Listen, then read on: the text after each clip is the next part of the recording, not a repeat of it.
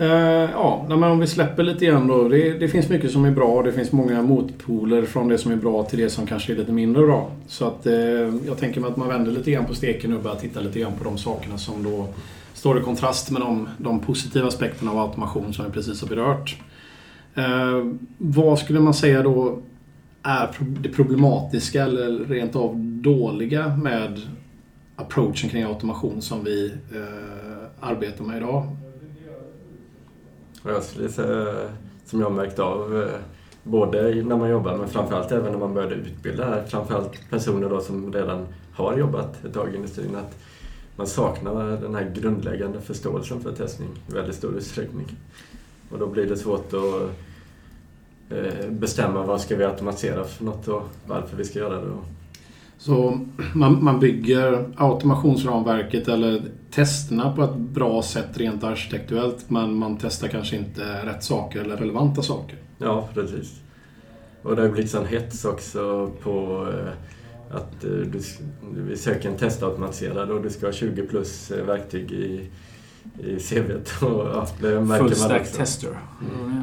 Ja, just det. Ja, den är här. Men nej, för jag, jag vet inte. Jag, jag erfarenhetsmässigt tycker jag ofta att det är tvärtom. Alltså, vi har ju, det har börjat komma den här development in test och sån här skit mm. egentligen som Ja, det syftar väl mångt och mycket med att man ska bygga då automation på ett smart sätt för att man är programmerare i grunden då. Men jag tycker snarare att det, det som jag har upplevt i alla fall på många ställen är att man det kanske är en jäkligt duktig testare men inte speciellt bra på att programmera så själva arkitekturen håller inte samman riktigt och det blir väldigt mycket maintenance på grund av fallerade test istället då. Mm. Mycket flakiness och liknande. Är det något ni upplevt också? Absolut. Det, det är en av de värsta misstagen man kan göra. Det är att sätta en testare som inte kan programmera eller vill programmera och skriva ett ramverk. Det, det är helt galet. Alltså klart man ska ge en person en chans. Men då behöver man ju stöd från en utvecklare.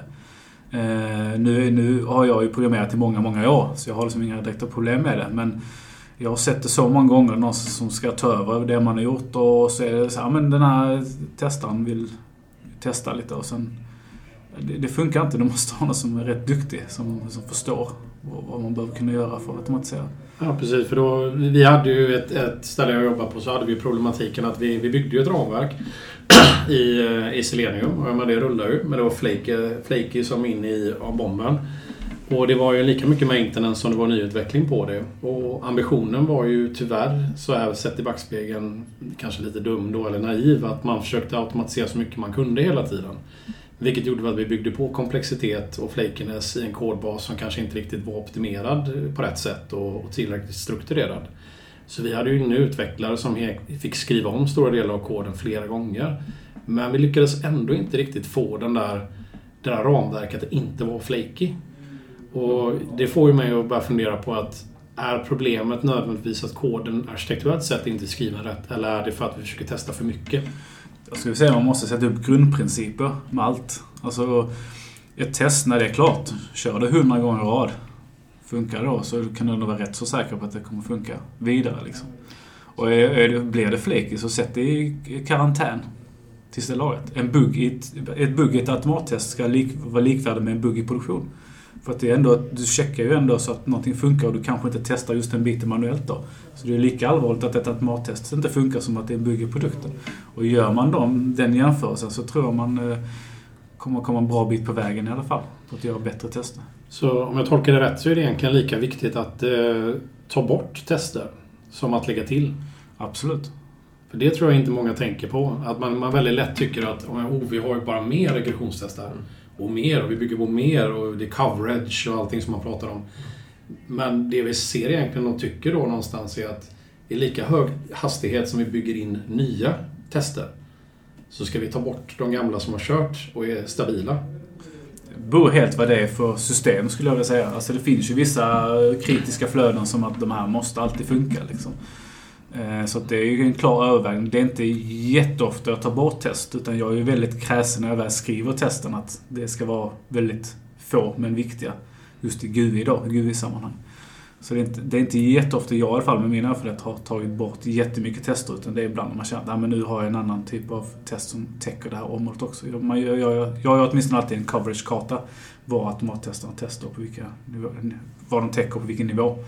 Så man får det där så man inte tar bort fel grejer. Ja, en sak vi gjort på ställen jag varit har ju varit att skapa eh, fler sviter och det är som du säger, om någonting kanske passar väldigt ofta så hamnar det i, i en svit som inte körs lika ofta. Ja. För just om du, om du problematiken mångt och mycket om du sätter en testsvit då och du har multipla sviter, du har multipla sviter beroende på olika eh, domänområden säger vi. Och sen så har du scenarion där som är dina end-to-end-flöden till exempel. Men i de scenarierna så har du kanske en, en summa av 30 stycken checker som körs. Och vid varje förändring som kan ske där så kan ju du ha en flakiness som gör att det bryter, går sönder. Här är det då viktigt att man, att man vad ska man säga, refakturerar sina automattester på samma sätt som man refakturerar kod. Eller att man, man åtminstone reviewar de olika testerna kontinuerligt för att ställa bort vissa typer av checker som är onödiga. Eller... Absolut, vi kan ju vända på det så här. Ett test som är okej okay att det är rött. Det testet kan du ta bort. Det tillför inget värde om ett test kan... Ja, men det är rött, men det skiter vi Då är det inget viktigt test, skulle jag vilja säga. Problemet är om det är, det är rött, men, men problemet är att det är ett visst steg i det testet som kanske inte är viktigt, men resten av det är viktigt. Ja, då får man ju göra om testet, skulle jag vilja säga. Ja, då får man ju bygga om det eller ta bort det då. Ja. Ja, men det är ju bra input, för att eh, om man tittar på några av de här sakerna som man säger eh, viktiga så är det ju en, en av aspekterna som man brukar säga att det ska vara eh, så, så enkelt som möjligt. Och det, det talar emot många av de testflödena jag har sett i alla fall. Ja, det, på ja, ett av de senaste ställena var ett väldigt stort bolag. Där var ju var ett problem också att man gjorde olika i olika team och framförallt på olika avdelningar. Och så här då. Några hade tagit fram sin egna eh, software download-grej eh, då i Python medan de andra använde en standardiserad som fanns på företaget. Och de som hade den här pyton och de kollade inte med den standardiserade så körde de upp sina tester och så kraschade hela flödet och så stod allt still för att deras eh, kod funkade inte ihop med den andra. Och där är det återigen viktigt, alltså om det är stora eh, företag med liksom silus mer eller mindre. Har ni ingen gemensam strategi och alla kör sitt eget race och man har beroende mellan varandra, då är det ju dömt att misslyckas igen. Precis, ja, men för jag tänker just där om det ska vara så enkelt som möjligt så tänker jag mig i, i min egen värld någonstans, men det är happy path. Det är, du vill ha businesskritiska end-to-end-flöden, happy path med några enkla tester i eller enkla checker i det scenariot. Och that's enough liksom.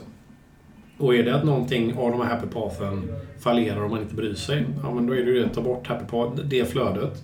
Eller ta, ta bort en eller två eller flera checker som är inom det flödet. Mm. Men jag tycker inte ofta att man har fokuset att liksom less is more och att det är liksom vilka är våra topp 10 flöden som är viktigast där vi berör liksom just den funktionalitet som är viktigast för oss. Jag brukar tänka så här, men vi har multipla produkter där jag jobbar idag. Vi bör ju ha en coverage där vi i alla fall berör en produkt vid något typ av flöde. Men varje produkt i sig själv kan ju ha 45 stycken varianter som man kan komma in och göra. Och det är ju frågan om de 40 varianterna av den produkten i form av 40 checkar i den produkten är relevanta eller om vi bara vet att produkten faktiskt fungerar. Mm. I ett enkelt standardflöde bara. Det tycker, jag, det tycker jag är en bra mästarkår som utgångspunkt. De tio kritiska och utgå därifrån och börja med dem. Sen får man ju se, liksom, det är ju som när folk vill eh, börja testa massa layout-grejer på en webbsida om knapp, knappen är grön eller inte. Det är ju det är som slöseri med tid. Ja. för att produkten står stilla för att det är fel. Alltså, ja, det beror ju såklart. Det kanske finns någon eh, kritisk rymdraket som måste ha någon... Det, så det beror alltid på kontext. Men om de vanliga fallen liksom. Det, många gånger stirrar man sig blind på layout och sånt. Och det, det är aldrig en bra ände att börja med heller. Ja. En annan sak som jag också ser då att man, man brukar säga att ett test ska vara, ha en specifik uppgift. Mm. Är det någonting som ni ser ofta när man, man bygger automatiserade testflöden och liknande? Har det testflödet en specifik uppgift den ska testa? Eller är det multipla saker i samma flöde? Jag skulle säga att man... Det brukar nog finnas, som du säger, en tanke att det ska vara bara en grej, men det brukar bli flera i slutändan i alla fall. Jag är väldigt mycket, om vi går in på Trims då, om vi kan bara nämna den som Richard Bradshaw här. Eh, liksom, Trims då i T, det är targeted. Target to a specific risk and automate on the lowest layer the testability allows. Det är riktigt bra riktlinjer skulle jag veta. För om du inte vet varför, vad är det som inte funkar när du kör ett automattest? Då är ju helt, vad är det för mening att köra med då? Det är ju ingen gissningslek vi håller på med. Mm. Vad är det du testar? Det är jätteviktigt. Där är också se till att testa en sak i ditt test och inte flera saker i samma test. För då är det som du säger, då vet du inte varför det failade. Ja. Sen kan du ju såklart ha checkpoints som ändå liksom bidrar med information. Men vad, vad, är, vad är det för funktionalitet kunden inte kommer kunna använda om det failar? Det är där, måste ju kolla på kundnyttan igen liksom. Precis, och det är det jag tycker också är spännande för då kommer vi in på det här som du säger att eh, den lägsta nivån av teknikstacken som är eh, testbar. Mm. Det är ju det Bradshaw säger egentligen. Mm. Men det betyder ju någonstans att innan vi gör ett end-to-end-test egentligen så bör vi då titta på att har vi ett end-to-end-test med x antal checkar i sig. För varje check så bör vi i sådana fall gå ner och titta på har vi den representerad redan i ett enhetstest eller komponenttest. Mm. Och har vi det så ska vi inte nödvändigtvis behöva ha en redundant check på ett end-to-end-flöde till exempel. Nej. Är det någonting som någon någonsin har tittat på? Det skulle jag säga att man måste göra för att få bra automattester. För jag har aldrig varit i ett, liksom ett kontext där man haft det tankesättet att vi bygger nu ett end-to-end-flöde i Selenium eller Testcafé eller vad det nu kan vara för verktyg som stegar genom våran, våran front. Mm. Och att man ställer sig frågan har vi ett test på API-nivån, till exempel i SoapUI eller Postman, som gör samma typ av check? Eller har vi någonting på en komponentnivå eller enhetstest som testar det här checken vi sen testar i front? Jag tror ju personligen utan att veta att om vi bara hade tagit och gått ner och pratat med utvecklarna och faktiskt bett dem gå igenom den här klassen med de här enhetstesterna och titta vad varje enhetstest gör. Eller komponenttest, eller vad det är som görs i själva kodbasen. Så hade vi nog antagligen kunnat döda en hel del end-to-end-flöden och annat som vi faktiskt har som redundanta tester fast på ett annat lager. Vad, vad, vad ser ni på det? Jag, jag aldrig, det du säger nu är för mig bara wow. För är det folk som jobbar med testautomation på det sättet? För jag, alltid så är det bara att man börjar från ruta ett där man inte har en aning om att det finns automation i djupare lager. Och så bygger man någonting i Selenium som testar så mycket som möjligt. Och så är det skitflaky. Och så tittar man inte på det man faktiskt har under huven som är extremt mycket mer billigare att köra, extremt mycket billigare att implementera och mycket mer robust. Det är jättevanligt att det inte är så. Eh, jag skulle säga att det är jätteviktigt. Jag menar, utvecklarna är min största källa för information när jag skriver automattester. Jag synkar med dem. Vad skriver ni för integrationstester? Eh, jag använder ju även API-anrop i mina GUI-tester. Ska jag sätta upp data i mina GUI-tester, då gör jag ju inte det genom GUI.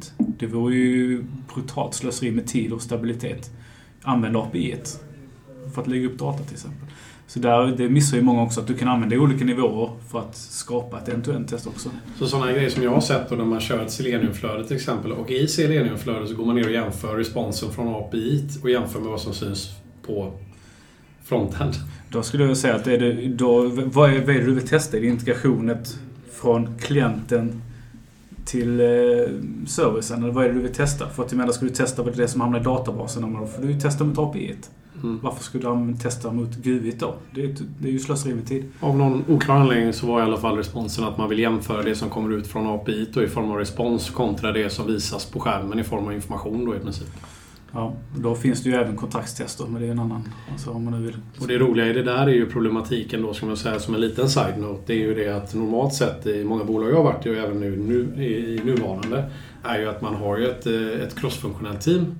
Problematiken där är att det inte alltid är görbart eh, effektivitetsmässigt att samköra en frontendutvecklare och en backendutvecklare i samma story. Så det blir att de jobbar på två olika parallella stories, en back och en front. Och sen blir det ena klart före det andra och sen merchar man in det.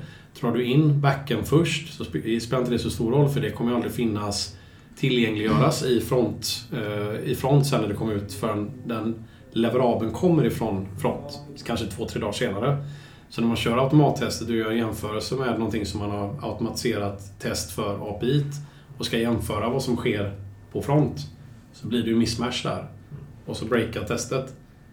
Så att eh, göra den typen av jämförelse mellan lager i form av inf information, vad som visas kontra vad som tillgängliggörs, känner jag ju att det är ganska meningslöst. Eller, Ja, det går ju... Alltså, ibland har man ju en controller som går mot det och då kan man kolla där så att datan hanteras rätt. Sen är det ju bara själva integrationen mellan GUI och nästa komponent du vill testa. Du vill inte testa från GUI till databasen alltid. nej. Beroende på system. Alltså det, det, jag har jobbat mycket med webb så jag tar ju mycket referenser därifrån. Det finns säkert mycket med hårdvara och sånt som inte alls Ja, går att applicera på det här. Så säger, det en, en, enda vi inte får säga på det här, den här podcasten är att det beror på kontext. Jag tycker att det är en ny regel nu. Men eh, erfarenheten från inbyggda systemen som jag jobbat mycket med har ju varit att på mindre företag där har det ju funkat betydligt bättre. Det du var inne på med att prata med utvecklaren och säga att man har koll på vad, vad man testar för något. Och så här. Men så fort du kommer till ett större bolag då har man ju inte koll längre på vad som testas på olika ställen och då blir det ju mycket dubbeltestning också. Och då kommer man in på process och kommunikation. Mm, Eh, mycket, liksom. Det, Men så det vi säger egentligen då att eh, enligt vår erfarenhet så är det mer eh, sällan än ofta, om man nu ska säga så, att det är ett så simpelt test som möjligt. Att det är extremt tydligt vad det ska göra. Den har en, en specifik uppgift som den ska testa och eh, att det inte finns några duplikat på grund av att man har koll på vad man testar på lägre nivåer. Det är, det är så man borde se till att det är, men det är sällan så det exekveras. mm. Eller har ni andra erfarenheter kring att det är... Är det bara jag som tror att det här är sällan vi tänker på de här sakerna? Eller är det... Mina erfarenheter som jag nyss nämnde med små bolag där de grejerna har kunnat funka bra. Och framförallt när man varit med och introducerat testautomation så har man varit med och påverkat redan från början. Så i princip är det det vi säger då att om, om man har börjat tänka rätt från början, att man har tagit in expertis som har det här tänket och man har byggt det från, från scratch. Så har man en god möjlighet att kunna liksom ha en bra approach, en bra strategi kring testautomation. Ja. Ja. Men är det någonting man tar in i ett befintligt storbolag där det är någon som säger att vi bör automatisera så mycket som möjligt. Text, testtäckning är en bra grej. Och så bygger man någonting utifrån det som finns där. Så finns det en, en, en överhängande risk att man överkomplicerar saker och inte egentligen har koll på vad vi redan har för tester. För att det syns inte på samma sätt som ett, ett, eh, frontautomation eller... Det kan ju vara att backen görs av ett annat team som inte ens är i samma bolag. Alltså att man köper in backen och då blir det ju svårt. Så att där har vi ett annat scenario. Då, då kan jag förstå att man kanske lägger lite mer tyngd på GUI-testen för det är det enda man har. Och även integrationerna då såklart. Jag tänkte precis eh, säga samma sak om eh, ja, eh, st- större bolag jag varit på som köper in väldigt mycket mjukvara från andra länder och inte en aning om vad de kör för tester där. Ja.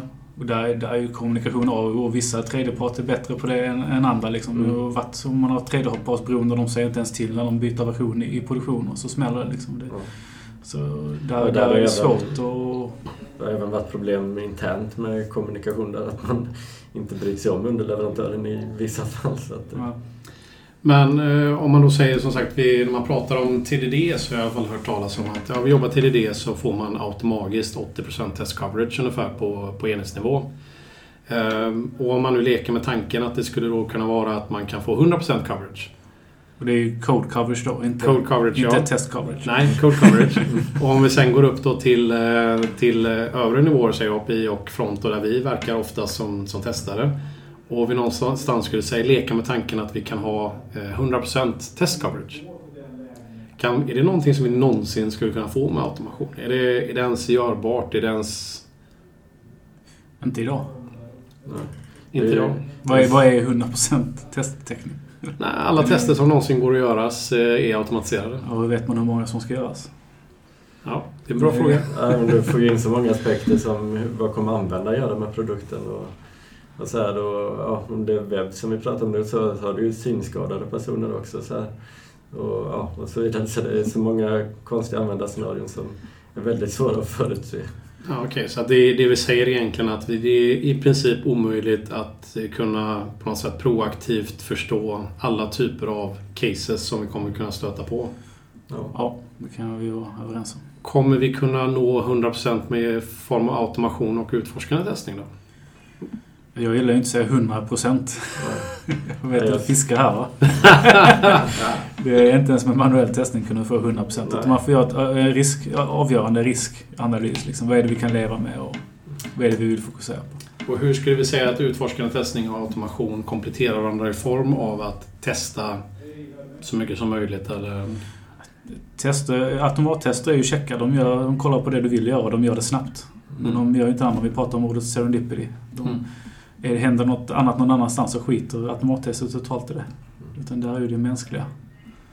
Och Faktor. Ett eh, bra exempel är ju lite som du var inne på förut då, att om GUIT har bytt färg och du inte har någon check på det då kommer inte automattestet fånga det. Du som människa kommer se det direkt. Mm.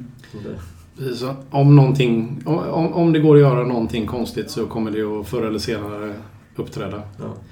Nej, vi har, det jag försöker leda in oss på lite grann är väl någonstans medvetet mot eh, Richard Bradshaw once again egentligen när det kommer till fartmodellen. Och ja, Whiteboard Tester egentligen YouTube Fart Model. Och det står för, står för Flawed Approach eh, Towards Regression Testing. Och det just visar upp på ett väldigt eh, som pedagogiskt sätt kring just det här omöjligheten att nå någon typ av 100% coverage. Att ens ha en approach där man tror sig kunna automatisera bort eh, all typ av testaktivitet och även omöjligheten i att kunna förutsätta alla cases som man kan testa och problem som kan uppstå via utforskande testning. Eller ens i en kombination med båda. Och nu är det en podcast så det är ju svårt att liksom, egentligen vill man rita upp. Men eh, som sagt, sök eh, Whiteboard Tester, Richard Bradshaw, Fart Model. Eh, kort det det går ut på är ju någonstans att du, du, du har din automationssuit, den testar X saker. Utanför det så har du din kunskap. Och utanför det så har du systemet. Men systemet kommer ju alltid växa i form av att man implementerar nya funktionaliteter och gör förändringar. Din kunskap kommer ju hela tiden växa med systemet men kommer ju aldrig komma ikapp. Du kommer ju aldrig förstå hela systemet. Det är ju mer eller mindre omöjligt om du tar ett extremt litet statiskt system, vilket inte är normalfallet. Och automationen kommer ju sen implementeras och förfinas utifrån din kunskap som du tillförskaffar dig. Men du kommer aldrig komma ikapp. Vilket gör att scenarier som behöver testas eller ny kunskap som uppstår, eller rättare sagt även luckor i din kunskap eller luckor i systemet som inte berörs av någon typ av test kommer ju alltid expandera. Så det påvisar någonstans att vi aldrig någonsin kommer kunna hitta allt eller kommer kunna ha tester för allt. Utan det handlar ju om att ha en smartness i din approach för att kunna fokusera på det, det som är mest eh, värdefullt. Den typ av test som ger mest. Och jag tror att den typen av test sällan är automation. Och det är därför jag tycker att den här inställningen med att automation ska frigöra tid till andra aktiviteter som bidrar till hög kvalitet borde vara mantrat. Automation ska vi inte hålla på och jobba med för att föda mer automation. Det är, det är där jag tycker att vi fallerar som industri. Och att vi väldigt sällan, om någonsin, tittar på vilka tester vi faktiskt redan har. Vi tror att vi börjar från en, en liksom blank whiteboard utan någon typ av automation när vi väl börjar introducera ett nytt verktyg. Men det är ju inte sant 99 fall av 100. Jag tror att det är väldigt få bolag som har en kodstack utan ett enda enhetstest idag. Nej. Men sen är det inte säkert alla enhetstester är bra heller. Det är ytterligare en sån där grej eh, med just det där att utvecklaren ska skriva enhetstesterna. Men det är, jag har mött många utvecklare som känner sig jävligt osäkra på det och inte vet vad de ska testa med enhetstesterna. Så det tycker jag absolut man ska kunna grotta ner sig som testare också. Man behöver inte förstå kod, man kan diskutera. Ja, det är bra om man förstår kod. Men man kan diskutera det med testarna. Sen tror jag det är bra också om nu där man är, de inte förstår skillnaden mellan test och automation. Test inversion checking är ju en jättebra artikel att diskutera kring just vad är skillnaden på en check och ett test. Förstår man väl det så kommer man inse att det går ju inte att automatisera allt. Eller antingen förstår man det eller så vill man inte förstå, skulle jag säga. Mm. En annan intressant sak på det du var inne på också där Daniel, är ju om man vill ha så stor täckning som möjligt. Det, det är ju att bestämma innan vi börjar testa, oavsett manuellt eller automatiserat, vad är det vi måste eh, testa? De här sakerna är våra must-haves. Det här måste alltid funka. Och bestämma det först innan man börjar, börjar göra en massa tester och, och grejer. Och då kan man ju välja ut att det här automatiserar vi, det här behöver vi köra utforskande testning på. Och, ja, och då är det den coveragen man kommer nå. Grejerna utanför där sen, de, ja, de får vi lämna. Precis, och jag, jag tror väl att det, det är väl en någonstans, vad ska man säga, jämförelsen som sagt, vi, vi pratar ju, nu har vi pratat lite grann om både good och bad. Och om man nu ska dra ihop de två så är det väl så att vi har ju två sidor av samma mynt egentligen allting. Att ja, om, om du automatiserar på ett smart sätt så kommer det gå mycket snabbare att göra de tråkiga regressionsövningarna som kommer ge feedback mycket snabbare. Samtidigt om vi missbrukar det och bygger ramverket på ett felaktigt sätt eller bygger på för mycket eller det är för mycket redundanta tester så kommer det föda maintenance, vilket kommer kosta mer tid, vilket kommer göra att vi behöver automatisera mer och maintaina mer som kommer ta tid ifrån andra aktiviteter där vi kan generera värde som testare. Exempelvis behovsanalys, krav eller Eh, exploratory testing eller en mängd andra saker som bidrar till kvalitetsförbättringar i och runt omkring teamet. Ehm, och det, det, är ju, det är ju samma sak när man pratar om värdet i, i liksom vilken approach du har kring automationen när det kommer till vad är viktigt egentligen och vart testar vi det någonstans på rätt sätt? Kan vi komma fram till det så kan vi antagligen begränsa oss väldigt mycket kring vad vi försöker göra vilket ger oss mer tid till andra aktiviteter. Så det känns som alla de här sakerna på något sätt hänger ihop både good och bad i, i allt. Eh, och vi kommer aldrig kunna ha development in automation som sitter och automatiserar all typ av testning. För det är inte görbart. Och jag tror inte heller att vi kan ha ett företag där vi inte automatiserar någonting. Nej, det tror inte jag heller. Utan jag tror på samma sätt som man behöver ha en bra approach kring utforskande testning kring vad är relevant och hur jobbar vi med det. Och det kräver mycket träning. Så är det samma sak, man kan inte automatisera allting som man kan automatisera för det är helt enkelt inte relevant. Mm. Ja, en bra summering. Eh, det kommer ju i alla fall, det leder oss in till den sista punkten här nu på våran eh, lilla podcast här då. Eh, the ugly side. Den, eh, den fula sidan av automation. Och det finns ju mycket att beröra där, men jag tänker mig just... Eh, vi kan i alla fall börja den änden lite grann kring kanske den här hetsen som är kring automation.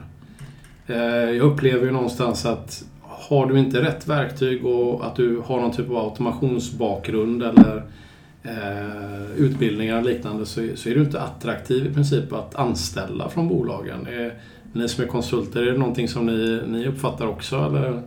Ja, det, jag märker ju märkte av det ännu mer nu när jag började undervisa, då, framförallt den här utbildningen i testautomation, att en del eh, läser ju utbildningen bara för att de ska få testautomation på CVt. Eh, ja, för att det krävs. Det, det, är en enorm hets. Jag, vet, jag skickade ju ett eh, uppdrag till dig där. Nu, jag vet ju inte vilket bolag det var heller så det går inte att peka ut det. Men du skulle kunna sex programmeringsspråk, varav två skulle du kunna bra. Eh, du skulle rodda eh, alla testare också samtidigt. Vara testledare samtidigt. Ja. Eh, du skulle kunna Kotlin, Android och eh, Apple. Alltså eh, app och automation där också. Du skulle också testa manuellt. Du skulle styra upp alla processer. Eh, du skulle kunna backend och alla olika fronten ramverk. Jag tror var uppe i 40 tools i den annonsen. Och det är liksom... Jag visade det för utvecklare med 20 års erfarenhet som varit konsulter som jag tycker är en av de bästa. Liksom. Och han bara Shit, det är så att jag får ångest när jag kollar på det. Alltså det finns ju, det, det är som sån... Det, vad, vad, är det någon som, bara, som antagligen bara samlat in allt som de gör där? Och sen skrivit en annons utan, utöver det utan att förankra det med någon överhuvudtaget. Känns det som. Jag tycker det är skitspännande där, för du, du skickade den till mig och jag tror att det var en så här 20-25 punkter eller något sånt där som du skulle behärska. Mm. Och jag kände att... Alltså jag gick igenom den listan och jag har jobbat 14 år med det här. Och jag skulle, om jag ljög lite grann kring vad jag faktiskt skulle kunna stå bakom att jag kan. Mm. Så tror jag var uppe i sådär sju punkter av den 20-punktslistan. Så vi sa ju det båda två att till varandra någonstans. Att, ja, hittar du den typen av testare som kan allt det här liksom, så pinga gärna. Mm. För vi känner ingen. Men det är återigen den här hetsen. Eh, du ska kunna allt det här och det här. Liksom inga, är det inte bättre att du kan det här med test och strategi kring det? Så att ni gör rätt från början och sen tar in en utvecklare som hjälper till. Ja, jag tycker det, hela den biten är, är spännande just kring eh, kring sin verktyg och eh, alla de här sakerna som är. Och det är kanske en annan diskussion men vi gjorde ju till exempel, eller vi satte ut en annons nu till och med för en utvecklare. Och vi, jag medvetet satte ju ut hela den, den, eh, den jobbannonsen utan verktyg. För jag tycker också, precis som vi säger, nu är det ett litet sidospår, men just den här verktygshetsen att bemästra ett verktyg, det tar ingen tid alls. Utan det är ju kompetensen bakom som är relevant. Men jag tror att det är bara ett sånt här infekterat beteende från rekryteringsfirmor och annat som bara samlar in alla, alla verktyg som finns på bolaget. Kryddar med några egna och sen trycker ut och så bara för att du har berört ett verktyg så skulle du då kunna det liksom. Det är, ja. Vi var ju mer så här att ja, men det, det, det är de kulturella aspekterna. Det är ju med, med problemlösning, kreativt tänkande. Den typen av eh, vad ska man säga, kompetensområden som är relevanta för att kunna lyckas och bidra med värde på vårt företag. Visst, du behöver kunna Java som hela vår jävla kodstack bygger på Java backendmässigt då. För de backendutvecklare vi sökte. Men det spelar ingen roll om vederbörande har just ett specifikt verktyg, IntelliJ, som de har jobbat i eller om det är någonting annat. Det, det är skitsamma. Mm. Så att, litet sidospår, men jag ser ändå... Det här verktygshetsen har ju varit länge, men det känns som att automation har bara blivit... Det, det, Det tillsammans med CDI, CDI, CICD och DevOps-hetsen har ju någonstans gått i någon typ av parallell merge där det på något sätt bara intensifierat allt det här liksom. Ja, och det jag skulle säga som konsult och många uppdrag man får in, det, det är ju du ska kunna programmera och det, ja, Eh, det kan vara bra såklart men du ska även kunna DevOps, du ska kunna antingen AVS eller Azure DevOps. Jag menar, det är verktyg som du kan lära dig relativt snabbt Azure. Och, alltså, du inne, kan du Azure DevOps så jag har inga problem att gå över till AVS. Liksom. Men ska jag sätta upp en arkitekturell bas för ett nytt program, det är klart som fan jag är fel person. Men det är inte det man är ute efter heller. Men det är intressant eh, också, en annan aspekt nu när ni hållit på att utbilda mycket. Man får förslag och förfrågningar om du vill hålla i den här kursen eller det. Hur eh, ja, de försöker trycka in typ allt det här vi tog upp nu i en och samma utbildning. Så att du ska lära dig en jäkla massa verktyg då och sen ska du lära dig CD i samma och så helst lite DevOps kanske också i samma utbildning. Jag får försöka förklara att ja, men CICD där, det är en egen utbildning och DevOps är en annan utbildning och sen kan vi ha de här verktygen i en utbildning. Jag tror just med CIC då, det och sånt, bara man liksom förstår tanken bakom det, kommer med på diskussioner så kommer man jättelångt. Men när går en fundamental står på två timmar för DevOps och sånt så har du, har du kanske vad som räcker. Och då kanske du är tillräckligt mycket kunskap för att komma in i bolaget för att sen lära dig mer. Ja. Det, att bara stirra på det, det då är vi inne med det där med taskig automation igen. Att om du bara tittar på de kanske verktyg och de har ingen aning, de vill bara ha tusen testfall. Men, men, hur är det för er då? Jag tänker liksom, nu är du ju ensam konsult i alla fall med mig veterligen Jonas. Ja. Medan du Fredrik, du, du anställer ju folk. Det är ju House of Test och det är ju etablerat bolag inom testindustrin om man nu så eh, ska säga det på det sättet då. Jag själv jobbar ju på ett produktbolag. Jag är ganska, vad ska man säga, jag, jag har ju en, en, en approach där jag säger att jag, jag tar hellre in en, en testare som har ett tänk så det är laterala delarna, tänka utanför boxen, att eh, vara duktig på utforskande testning, eh, kunna jobba med prerequisites för utveckling och liksom mer shift left-bitarna då. Eh, inte fel att de kan de, alltså vissa verktyg eller annat, men det är inte det jag bryr mig speciellt mycket om, utan det är tänket, alltså hur du approachar test som helhet. Eh, så jag behöver inte egentligen bry mig alls om alla de här buzzwordsen. Jag, jag kan ju egentligen gå in och säga jag skiter fullständigt om du kan Selenium eller inte. Det är inte jag bryr, bryr mig inte. Kan du något programmeringsspråk och jag söker någon som kan hjälpa till med automation, fine. Men jag tar hellre in en riktigt, riktigt duktig testare som kan komplettera med mjuka delar av kvalitetscoachningen än att ta in någon som kan koda automation i ett specifikt verktyg. Det kan jag använda utvecklare till istället. Den lyxen har jag. Men hur är det med dig? För principiellt så har jag förstått det som att du har lite samma tänk som mig. Men du är ju i en annan situation i och med att du måste ändå sälja konsulter om man så vill till uppdragsgivare. Va? Och så är det. Och det är jag skulle säga tekniskt testa men det behöver inte bara innebära automation. Alltså, mm. det, vi går ju mycket på personlighet när vi anställer, men det räcker ju inte alltid hela vägen. Eh, har du inte någon av buzzwords idag, tyvärr, så blir det svårt för mig att få ut personen på ett uppdrag, tyvärr. För jag kan inte säga att den här personen är kreativ och trevlig. Det räcker tyvärr inte du, i vår bransch. Så det jag försöker komma fram till är att du är en del av problemet? Ja, det är Sakta försöker vi jobba på det. Ja, nej, jag skojar. Jag, jag tänker mig att det, det är väl egentligen problem med hela industrin. Jag, jag, egentligen, jag, jag har lurat en annan eh, branschkollega i den fällan också, just när vi pratar om de här sakerna. Och vederbörande jobbar på ett stort eh, konsultbolag. Och vi pratar om de här sakerna och vederbörande håller med mig allt jag säger. Och sen så frågar jag just den här frågan, ja, men de, de, alltså hur, hur, branschen mottar, alltså hur man ska få ut expertis i bolagen kring som måste baseras på vad de faktiskt efterfrågar. Och vederbörande säger precis som du, att vi måste ju ha de här buzzwordsen i CV, måste jobba med, kunna jobba med automation för annars går det inte att sälja dem till en uppdragsgivare. Och då är det här, men du är en del av problemet. Mm. Så då är, då är det frågan om Alltså är det ens görbart? Hur, hur kan man ens... För vi sitter ju här och det är många andra som propagerar att men vi, jobb, vi har fel approach, vi, vi jobbar på fel sätt. Mer är inte bättre, det är fel arkitektur, det är, det är fel eh, kontext för att jobba med detta. Ni, vi hade behövt det här istället. Mm. Vad har vi för ansvar att egentligen tala om för en uppdragsgivare eller ett företag och säga ja men det är inte automationen som löser ert problem. Ni har andra problem ni behöver titta på. Och det kan man ju oftast ta upp när man väl har fått komma dit. Ja. Det är ju det det handlar om. Du måste finna fot. Så därför skickar jag mitt CV alltid. Nej. Nej, men jag tror, kommer du väl in det så förstår de ju oftast och håller med en. Bara att de, de har, ibland kanske de har så pass lite kunskap kring test och automation att Mm. de inte vet vad de behöver göra. Utan okej, ja men automation, det verkar ju häftigt. Så då skriver vi det i annonsen. Mm. Eh, Så där får man ju hjälpa dem. Alltså det är ju alla som inte har, har expertis inom området och då, då kanske det inte är så lätt att forma eh, vad är det man Ja, det- verkligen behöver.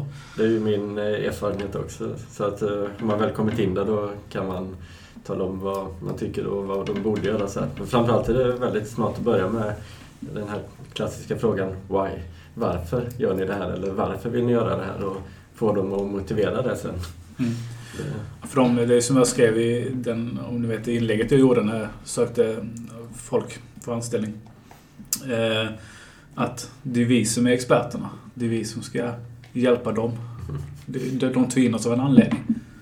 Eh, sen finns det uppdrag där man bara eh, värmer en stol, men det är inte sådana uppdrag som jag och mina kollegor är ute på oftast.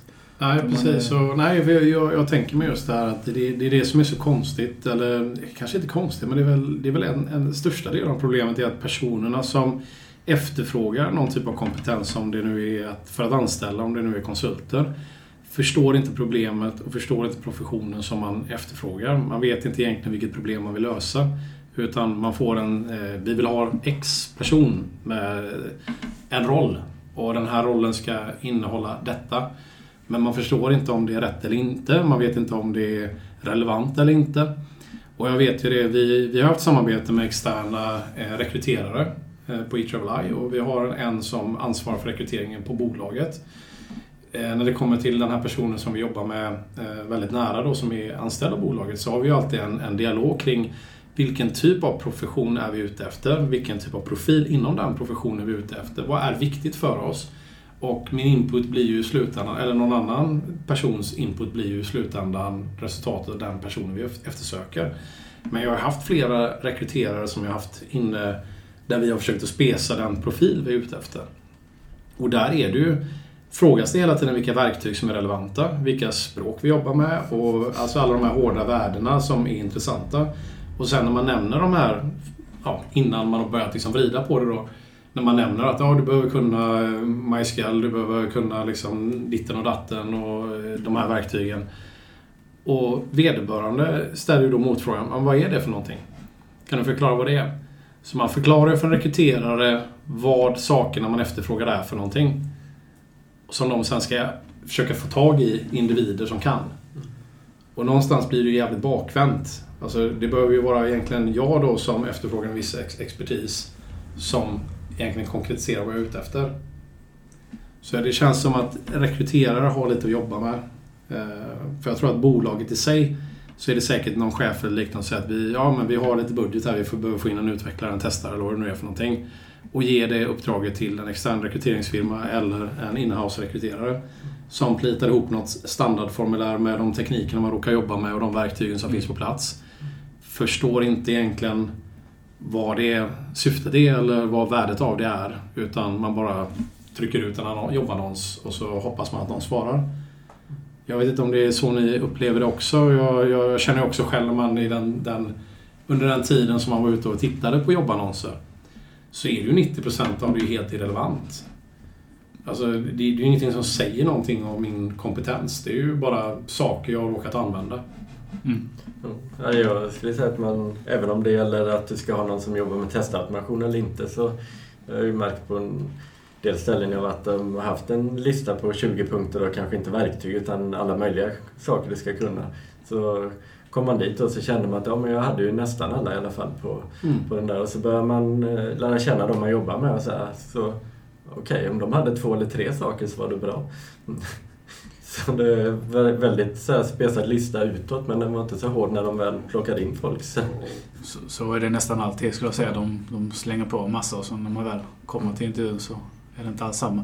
Men sen kan jag säga, jag har ju varit vissa uppdrag där det har varit specifikt att vi har ett problem med våra GUI-tester skrivna i JavaScript. Kan du JavaScript? Vi behöver hjälp med att strukturera upp koden liksom.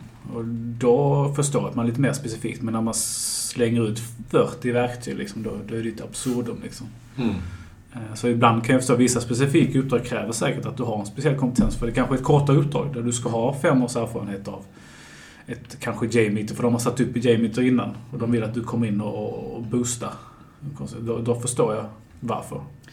För en av de här aspekterna som jag tycker är också spännande är att vi som utvecklare mångt och mycket hos oss och många andra bolag också så har man ju tester för att kunna plocka ut utvecklare med rätt kompetensprofil eller som klarar av eller visar sig kompetenta att lösa en, en, uppgift.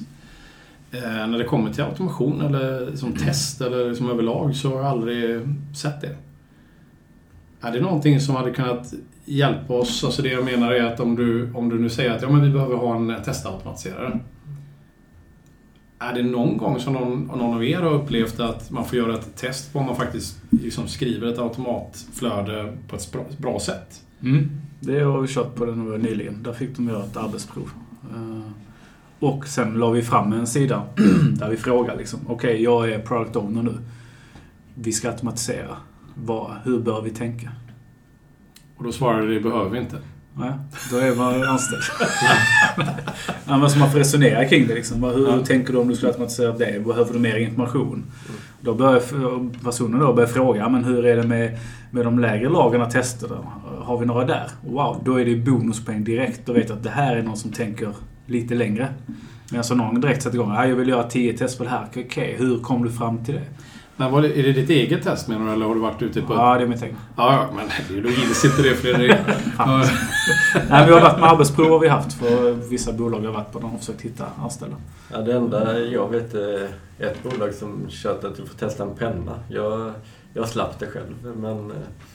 Eh, sen eh, höll jag i en intervju ihop med en annan på ett eh, bolag jag var. Då frågade vi ut den personen rejält och kom fram till att eh, han var inte lämplig för det uppdraget. Men jag har inte råkat ut för det själv. Ja, nej, jag har nog aldrig behövt göra test. Sen så har jag inte behövt söka några jobb heller på väldigt länge. Så att, eh, det brukar oftast bara bli så via mm. kontakter och annat. Men jag, har inte hört talas om att man har spelat mycket tester för testare och inte heller att man har några tester kring automationsimplementation eller något sånt där heller. Ehm, och kanske hade det hjälpt till en del med hur man faktiskt strukturellt eh, implementerar automationsflöden om du faktiskt har den kompetens som krävs för att göra den typen av implementation. Och det har jag återigen, de har kanske inte kunskapen till att göra något test för de förstår inte, alltså de har inte den kunskapen själva. Nej, nej sant, sant. Men å andra sidan så har vi ju, det finns ju verktyg just för utvecklare där det är standardiserade tester som egentligen tas fram av andra eh, företag och annat. Då. Men, mm. Det är väl en side-note så sett, men kanske hade det tagit en del av det här att man skriver dåliga tester. Alltså det tar ju fortfarande inte bort det tar fortfarande inte bort problematiken att man testar fel saker på fel plats eller att man eh, testar för mycket eller för lite eller vad det nu kan vara för någonting. Utan det är ju snarare hur man faktiskt arkitekturellt bygger testerna eh, och på vilket lager man skulle välja och så vidare. Då.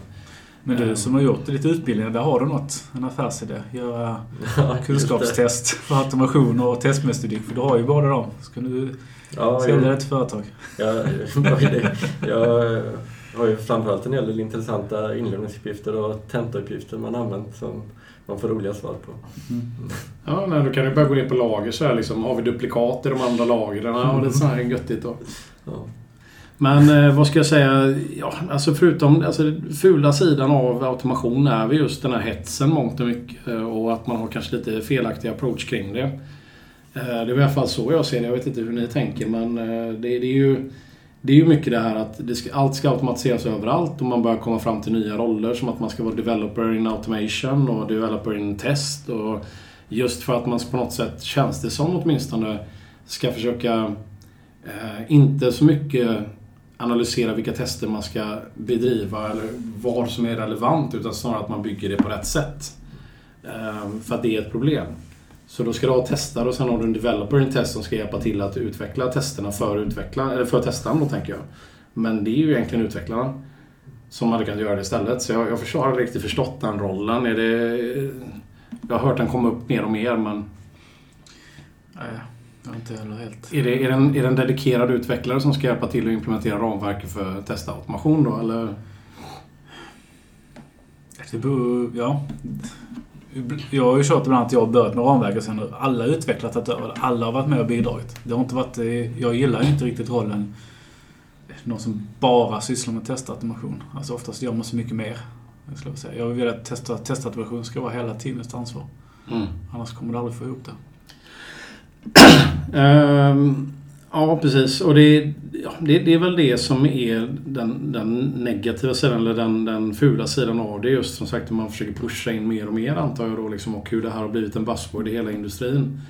Att man forcerar fram detta och att jakten på nya arbetsmöjligheter antar jag baseras på vad som råkar vara mest eh, liksom, buzzword för tillfället. Mm. Sen, sen en annan som jag kom på nu det är ju jag diskuterar vad en teknisk testare var till exempel. Och vissa sa att ah, men det är någon som bara sysslar med automation. Och det skulle jag säga är helt fel. Eh, och där har vi kanske ett missförstånd också. En teknisk testare är ju så mycket mer. Alltså det är mer att du kan jobba på, oftast på flera lager för att du förstår den underliggande strukturen. Eh, så där kan ju också vara ett missförstånd i branschen. Ja, det håller jag också med. Ja, men det är en intressant aspekt. Alltså min, min, min definition, felaktig det kan vara, men, och ni får rätta mig, men jag tänker mig en teknisk testare är ju någon som Alltså delvis kan man kan säga, jag gillar ju inte det, den benämningen som fullstack tester. Det, det är väl fel. Jag, jag, pratade med en utvecklare just om att jag sa det att fullstack tester är ju någon som är dålig på, eh, alltså jämndålig på allt i hela stacken. och han skrattade och höll med. Men jag kan tänka mig att det är lite samma. Du, du är en generalist som egentligen kan gå ner och analysera enhetstester och liksom bidra med nya idéer som vi ska testa på den nivån.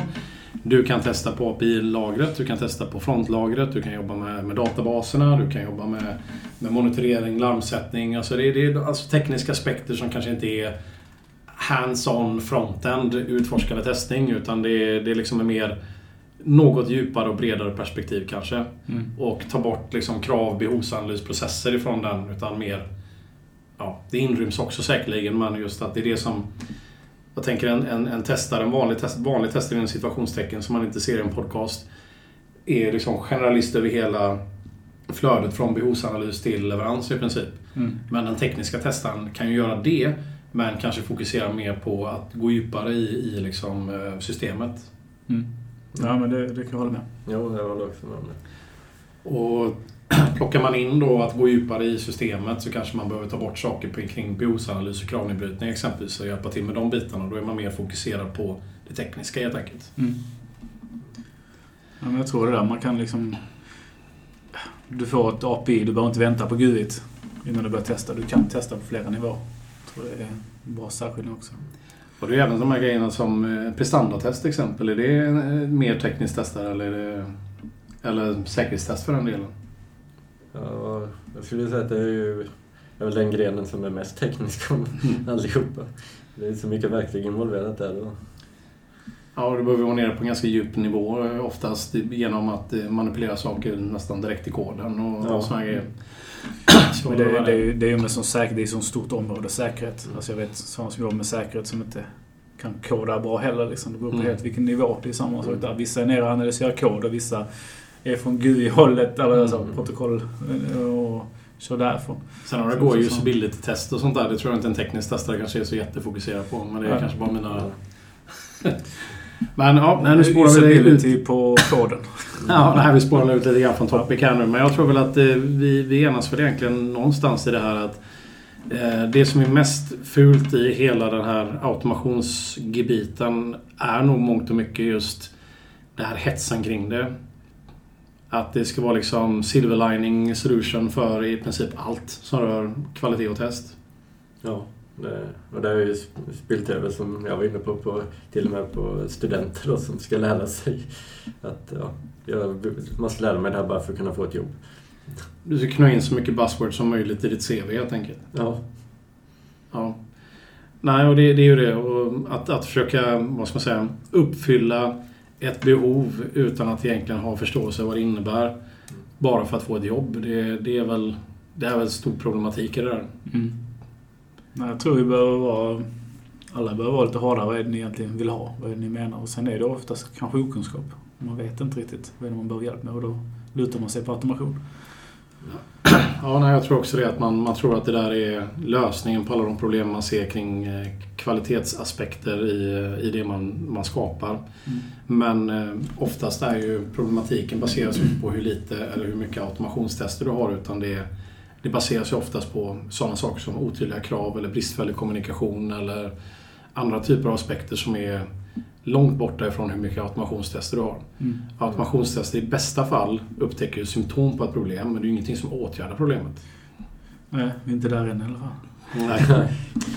Så eh, om vi nu skulle sammanfatta det här. Nu har vi gått igenom lite grann eh, good, bad, ugly eh, under lång tid och det har varit väldigt trevligt. Eh, vad ska vi säga egentligen nu om, om, om det här? Eh, om vi nu skulle försöka summera ihop den här långa dialogen kring, kring automation egentligen. Testautomation i, i, i Sverige idag eller i världen idag. Ja, det är, man ska ju säga att alltid, som allt annat, få svar på frågan varför. Vad är det vi vill uppnå med det här? Mm. Och det, så sen eh, inte se automation som något dåligt heller, utan det är ett kraftfullt verktyg som vi pratade om innan. För att uppnå bättre resultat. Används det på rätt sätt så är det väldigt kraftfullt. Används det på fel sätt så kommer det sinka det istället för att göra det snabbare. Eller? Och få chefer att förstå, som jag tror du var inne lite på, att det är ett verktyg i din testverktygslåda, inte någon ersättning för allt annat. Ja, precis. Nej, så fort man har automation kan man inte lägga testare i en verktygslåda och inte Mm. använda den med. Nej, precis. Och, och att automation då kan ju vara väldigt kraftfullt verktyg eh, beroende på hur du använder verktyget och, och i vilket kontext. Nu sa jag kontextet då, men eh, nej, men det är väl det mycket vi säger. Att, att eh, automation kan vara kraftfullt, det kan vara extremt nyttigt, men det behöver användas på rätt sätt och inte missbrukas. Eh, man, man, behöver göra, man ska göra exakt så mycket man måste göra. Det man måste göra gör man på ett bra sätt ur ett implementationsmässigt arkitekturellt hänseende. Man ser till att man inte har duplikat så att man gör liksom, saker redundanta. Man ser till att skala bort sånt eller städa bort sånt som vi ser efterhand att vi inte behöver längre allt eftersom vi ersätter med nya saker. Så att vi inte bygger på komplexiteten. Och vi reviewar eller granskar våra automatflöden kontinuerligt för att se om det är saker som inte behövs längre. Vi försöker lägga automationen så djupt ner i stacken som möjligt för att det är där det är mest kostnadseffektivt och mest robust. Eh, vi försöker så gott det går egentligen att jobba proaktivt istället för reaktivt. För att reakt, eh, automationen påvisar ett problem men det är, det är som sagt en, en, en reaktiv symptom på problemet snarare än en lösning på problemet. Ja, där är en annan viktig aspekt som vi har infört på många ställen. Att automationen, det är en definition of done för den uppgiften. Det finns ju ingen anledning till att varför ska du hålla på att göra massa automationer redan ute i produktion? Vad tillför det för värde? Du skulle vilja ha klart det innan.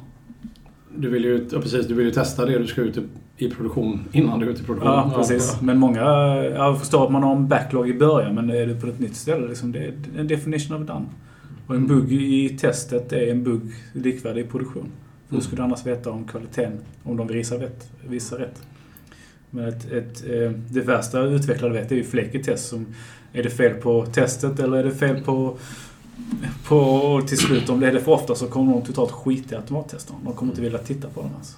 Så där är, du måste ha ett förtroende hos alla, annars kommer du aldrig lyckas. Nej, ju mer brus desto mer är man benägen att strunta i det helt enkelt. Mm.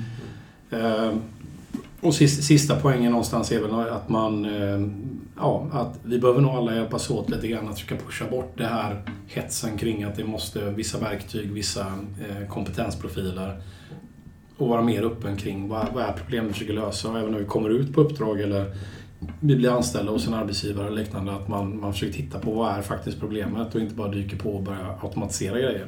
Försöka ha, jag vet inte hur mycket man kan skriva annons, men man kan ju faktiskt försöka ha med vad är det, vad är det vi letar, vad är det vi behöver hjälp med att lösa. Mm.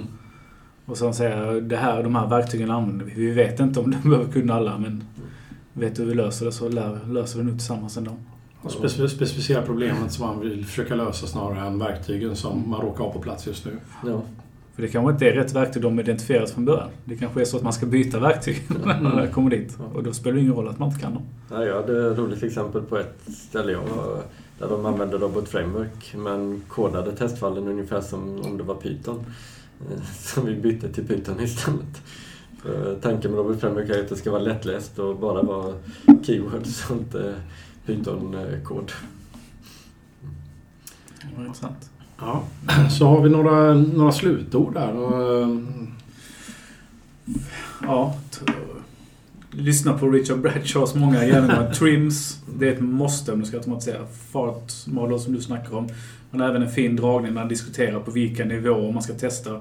Han ritar upp ett flöde och som ritar liksom vilken nivå det flödet touchar och så är det redan där liksom bestämmer Mm. vilken nivå ska vi testa på. Jag tror han, han, han nu gillar jag honom för att han tänker väldigt li- lika som jag kring automationer så som jag har jobbat med automationer de senaste tio åren. Jag tror det är vettigt att förstå vad det är för problem man försöker lösa. Mm. Det är jätteviktigt. Och jag tror även i den sista videon jag nämnde att han går in på det där, börjar med eh, vad det är du vill automatisera och, och varför vill du automatisera det och så här. Och inte bara ta en, en hög med gamla testfall och automatisera dem. Utan, Ja, precis. Så i, i min mening, ibland och ganska ofta skulle jag nog vilja påstå, är det bäst, bättre att försöka och lägga fokus på att coacha utvecklaren, eller utvecklarna, till att automatisera rätt saker djupare ner i stacken under utvecklingen och tänka test tidigt i form av att automatisera rätt saker på rätt nivå. Än att vi tar oss massa tid till att bygga multipla end-to-end-flöden i exempelvis Selenium eller Testcafé eller vad det nu kan vara för någonting. Det, den typen av test är ju den typen av test vi ska ha minst av ja. Så hjälper vi utvecklarna med idéer kring vad de kan och bör automatisera i som enhetstester eller integrationstester i koden så går det snabbare, lättare att maintaina och vi kommer antagligen ha betydligt många fler av det. Och det går mycket snabbare att köra. Mm. Vad är det man vill uppnå med det? Mm.